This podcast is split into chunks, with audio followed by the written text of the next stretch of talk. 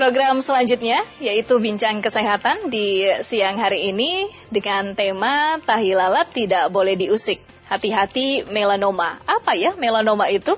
Nanti kita akan membahasnya dalam dialog layanan kesehatan COVID-19 bersama dengan Dr. Agassi Suseno, SPDV dari Departemen Dermatologi dan Venerologi dan untuk Anda nanti yang ingin berkonsultasi dengan Dr. Agassi, silakan bisa bersam, bergabung di 0213844545 dan juga mengirimkan WhatsApp di 081399399888. Dan kita sudah tersambung bersama dengan Dr. Agassi Suseno, spesialis dermatologi dan venerologi dari Departemen Dermatologi dan Venero, Venerologi.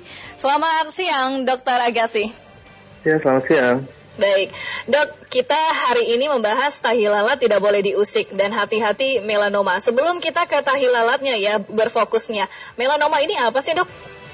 Ya baik, uh, jadi melanoma ini adalah salah satu tumor ganas yang berasal dari sel yang berpigmen, jadi yang memberikan warna pada kulit. Nama selnya adalah melanosit. Uh-huh. Nah, uh, memang sih walaupun dia sering kali identik dengan tumor kulit, tapi dia juga bisa muncul di bagian tubuh lain.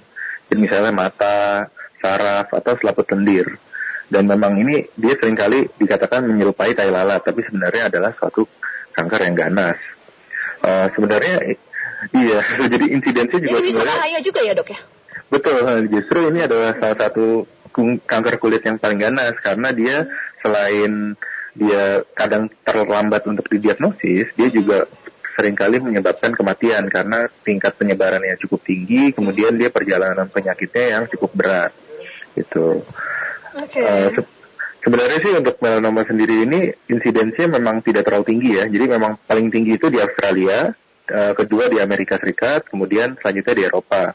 Kalau di Indonesia insidensinya itu memang tidak terlalu tinggi, tapi uh, jumlah kematian akibat penyakit ini yang berbandingnya terlalu tinggi dibandingkan dengan jumlah penyakit uh, insidensinya. Jadi memang masih berbahaya.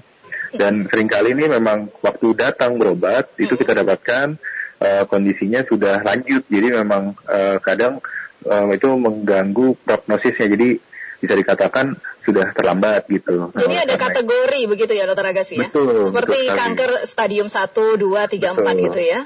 Okay. Betul. Jadi memang kalau misalnya pada kasus yang kita dapatkan dia masih stadium 1 dan stadium 2 hmm. itu kemungkinan untuk uh, sembuhnya itu 90% jadi cukup tinggi. Tapi kalau misalnya kita dapatkan dia sudah stadium 3 atau stadium 4 nah itu menjadi sangat berat. Bahkan ada yang uh, pada stadium 3 itu kita sebutnya 5 year survival rate. Jadi hmm. kemungkinan dia bisa bertahan untuk 5 tahun ke depan hmm. itu kurang lebih 30 sampai 60% saja. Dan kalau misalnya stadium 4 itu sudah bahkan kalau dari diagnosis sampai kita kemungkinan ini sudah memberat itu sekitar 6 sampai 9 bulan. Jadi memang penyakitnya sangat berat. Hmm. Dok, jenis tai lalatnya ada nggak sih secara tertentu yang mungkin uh, berakibat dari melano ini, dok? Melanoma ya, ya melanoma. Iya betul. Uh, menurut saya sih, jadi memang yang paling pertama harus difahami itu gini. Jadi jarang sekali nih si melanoma itu berasal dari tai lalat. Jadi dia tuh selalu melanoma saja, cuma tidak ketahuan gitu. Ada sih memang beberapa melanoma yang munculnya dari tai lalat biasa. Ciri-cirinya gimana dok? Nah, ciri-cirinya itu yang memang khas. Jadi untuk tai lalat itu, pertama kita mesti dari riwayatnya dulu. Jadi ini apakah tai lalat yang muncul pada saat lahir? Biasanya kalau misalnya saat lahir, kemungkinan kecil dia untuk jadi melanoma maligna. Tapi kalau misalnya dia muncul di atas usia 17 tahun, nah itu kita harus wanti-wanti nih, karena ini tai lalat yang baru. Kemudian kita juga uh, perhatikan ini rasnya. Jadi misalnya nih kalau pada kulit orang Indonesia kan kita lebih gelap. Jadi hmm. kemungkinan kita untuk kena melanoma maligna sebenarnya nggak terlalu tinggi. Hmm. Tapi kalau misalnya nih orangnya memiliki jumlah telat yang banyak dalam tubuhnya lebih dari 100 pada dewasa atau lebih dari 50 pada kasus anak. Nah, itu jadi punya kecenderungan jangan-jangan ada salah satunya tuh melanoma. Jadi yang dipikir tai lalat ternyata sudah melanoma juga tanda-tanda dari lalatnya sendiri itu yang mungkin sudah pernah didengar juga sama rekan-rekan juga hmm. yang A, B, C, D, E. Jadi kita bisa lihat tuh bentuknya dia yang A adalah asimetris. Jadi dia antara sisi atas, bawah, kanan, kiri, samping, diagonal itu dia tidak simetris.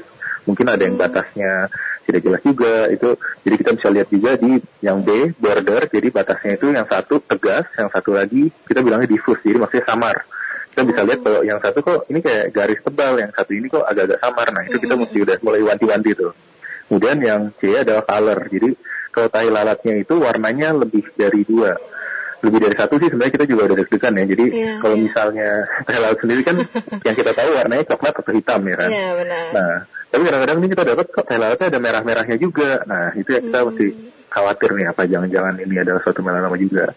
Nah, kemudian yang D adalah diameter. Jadi kalau misalnya kita dapatkan tai lalatnya itu ukurannya 6 mm, lebih dari 6 mm.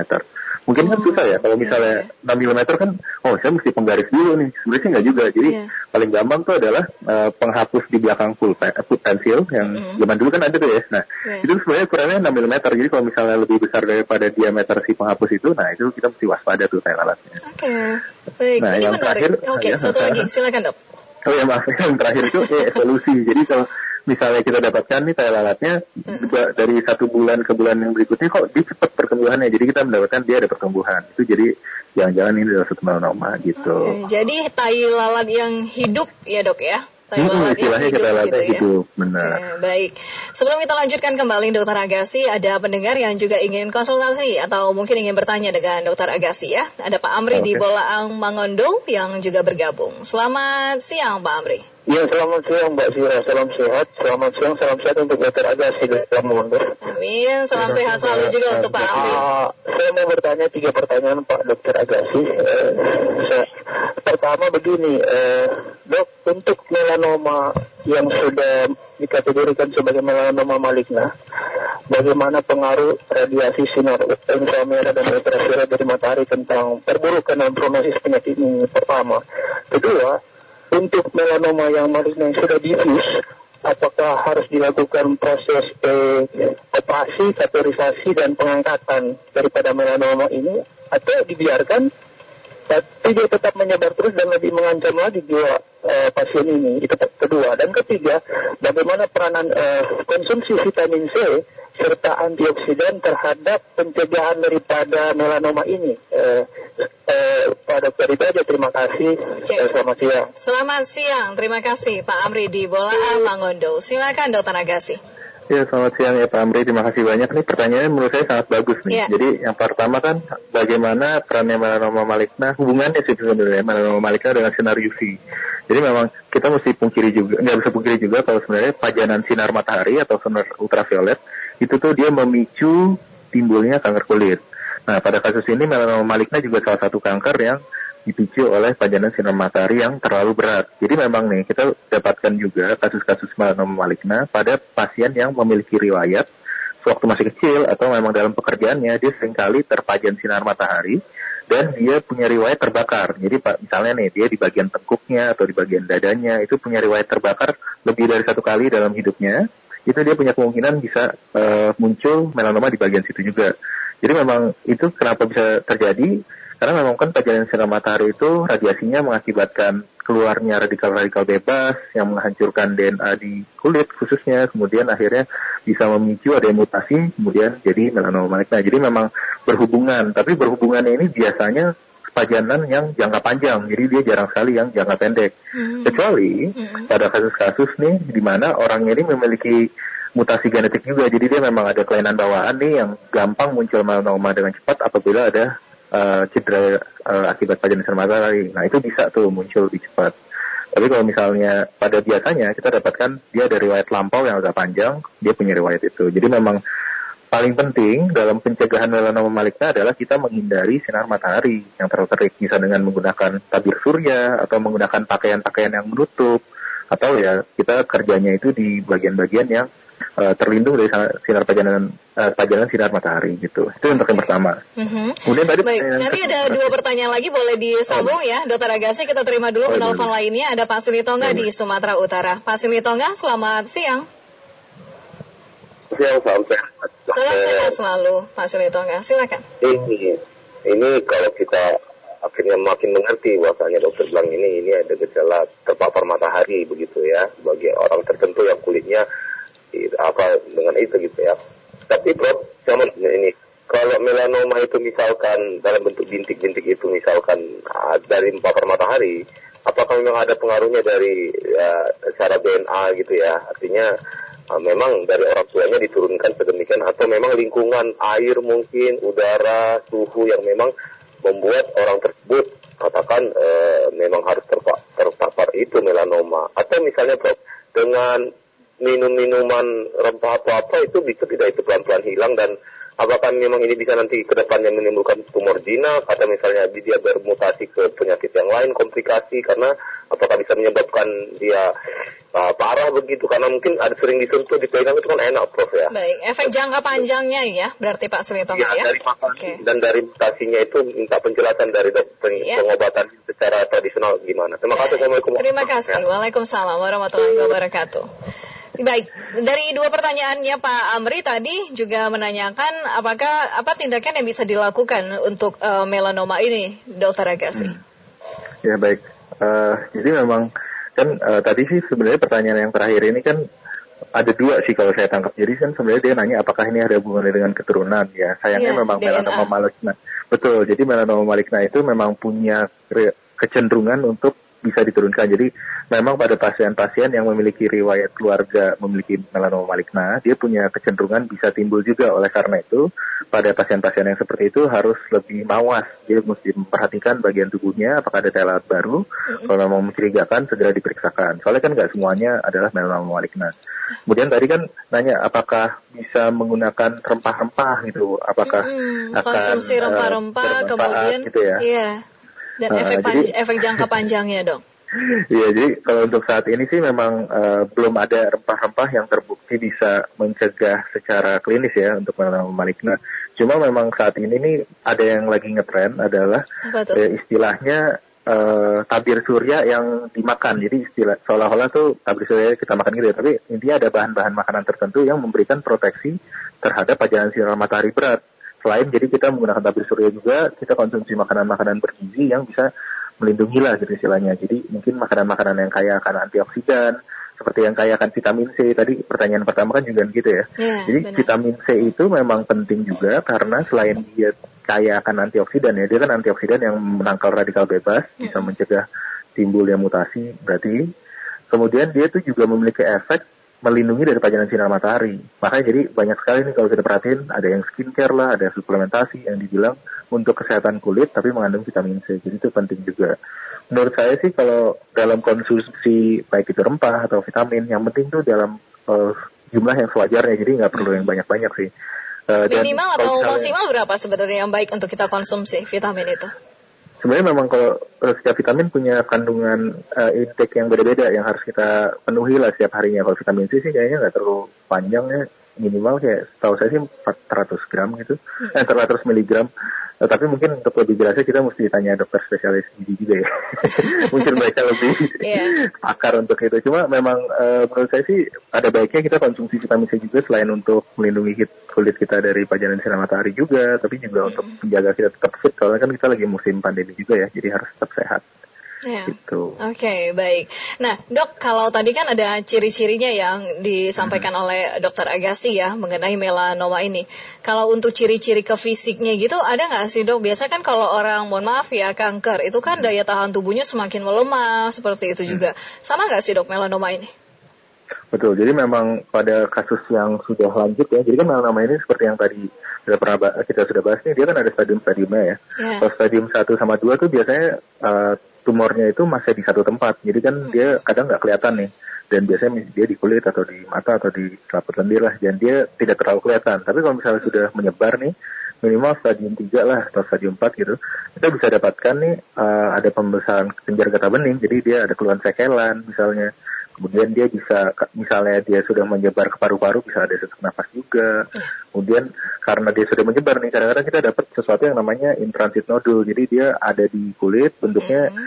tapi terabanya di bawah warnanya hitam-hitam juga. Nah, itu menandakan sudah persebaran di kulit tapi sudah meluas gitu. Okay. Tanda-tandanya memang agak sulit sih. Yeah. Ya. Uh, apalagi pada kasus-kasus yang sebenarnya melanomanya ini primernya maksudnya dia awalnya bukan dari kulit tapi dia hmm. dari misalnya selaput lendir. Nah, itu lebih nggak kelihatan lagi kadang-kadang. Wow. Cuma secara umum dia seperti kanker pada umum ya semakin tinggi stadiumnya, jadi kita Ya. bisa lihat dari jauh kalau oh ini memang uh, menggerogoti tubuh penderitanya gitu. Hmm.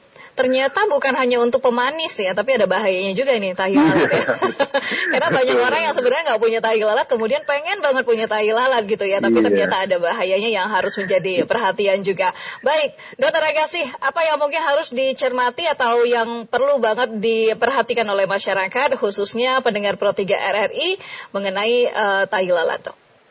So, jadi kalau menurut saya yang paling harus dicermati adalah apabila ada tai lalat yang baru muncul, kemudian dirasakan memang aneh, dia bentuknya asimetris, batasnya tidak jelas, warnanya juga unik, diameternya juga besar, dirasakan dia membesar terus, itu jangan ragu untuk periksakan ke dokter.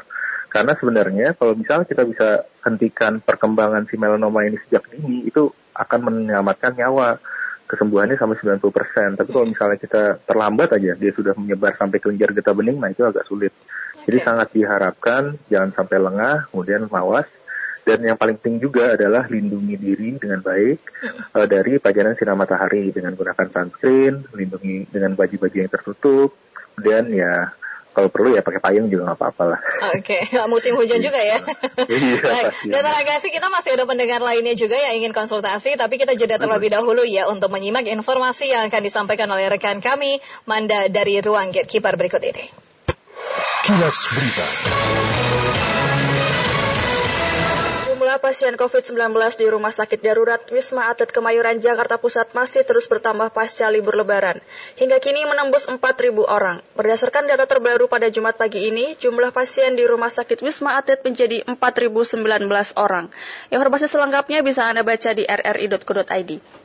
Baik, kita lanjutkan kembali untuk informasi ataupun juga di eh, hari ini kami berbincang bersama dengan Dr. Agassi Suseno, spesialis dermatologi dan venerologi, venerologi dalam dialog layanan kesehatan COVID-19.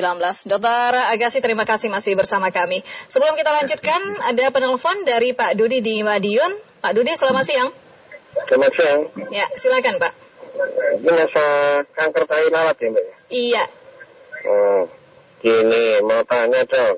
Tai lalat itu kok bisa menghitam, kadang-kadang ada yang membesar, kadang-kadang ya cuma di situ, cuma seperti itu. Terbuatnya tai lalat itu sebenarnya secara medis itu kok bisa menghitam itu apa dok? oke. Yang kedua, kalau orang yang mengidap kanker kok sama dokter cuma bisa diponis hidupnya paling lama lima tahun. Itu bagaimana dok? Terima kasih. Terima kasih.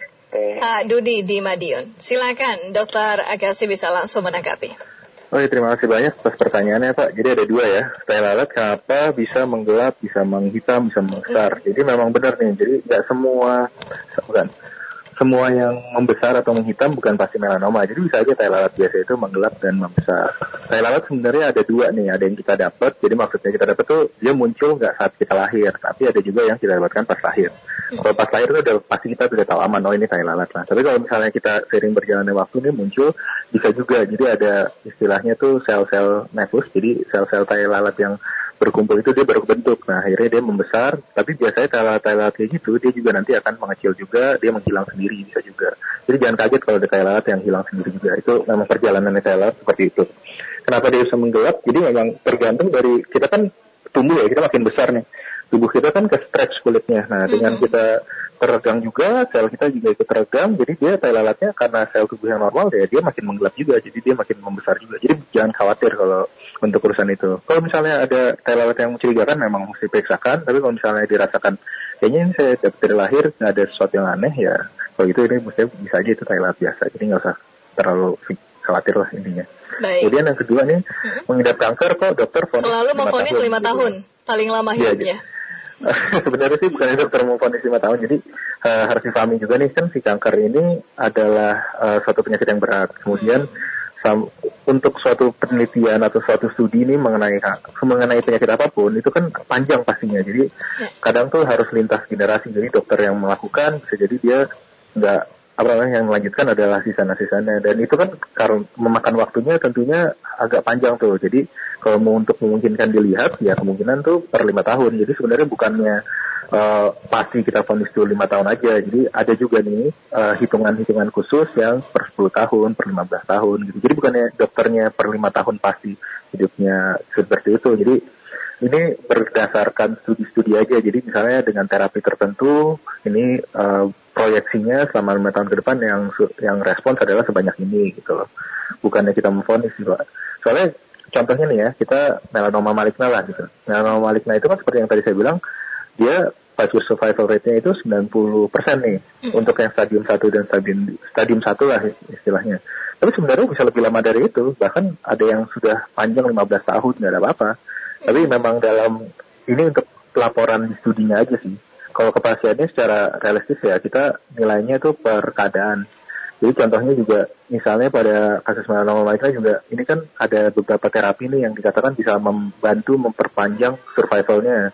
Nah itu dibilangnya tuh dengan terapi khusus ini dia bisa yang tadinya 6 sampai 9 bulan bisa sampai 2 tahun bahkan lebih panjang. Jadi sebenarnya kan nggak ada patokan yang khusus gitu.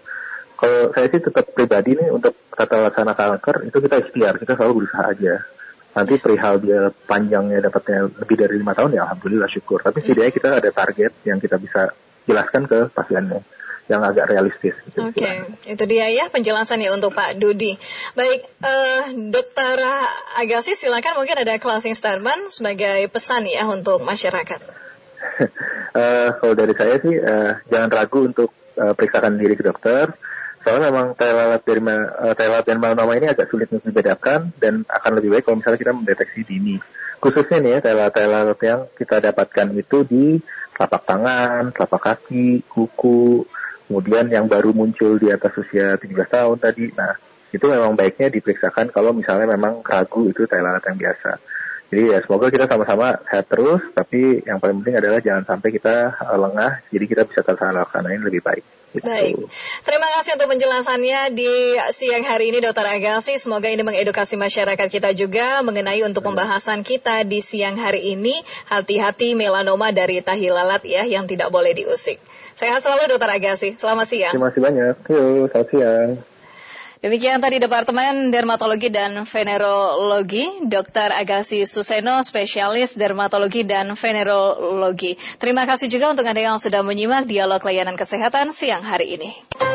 Demikian dialog layanan kesehatan kerjasama Pro 3 RRI dengan Fakultas Kedokteran Universitas Indonesia. Acara ini bisa Anda dengarkan setiap Senin sampai dengan Jumat pukul 9.30 waktu Indonesia Barat.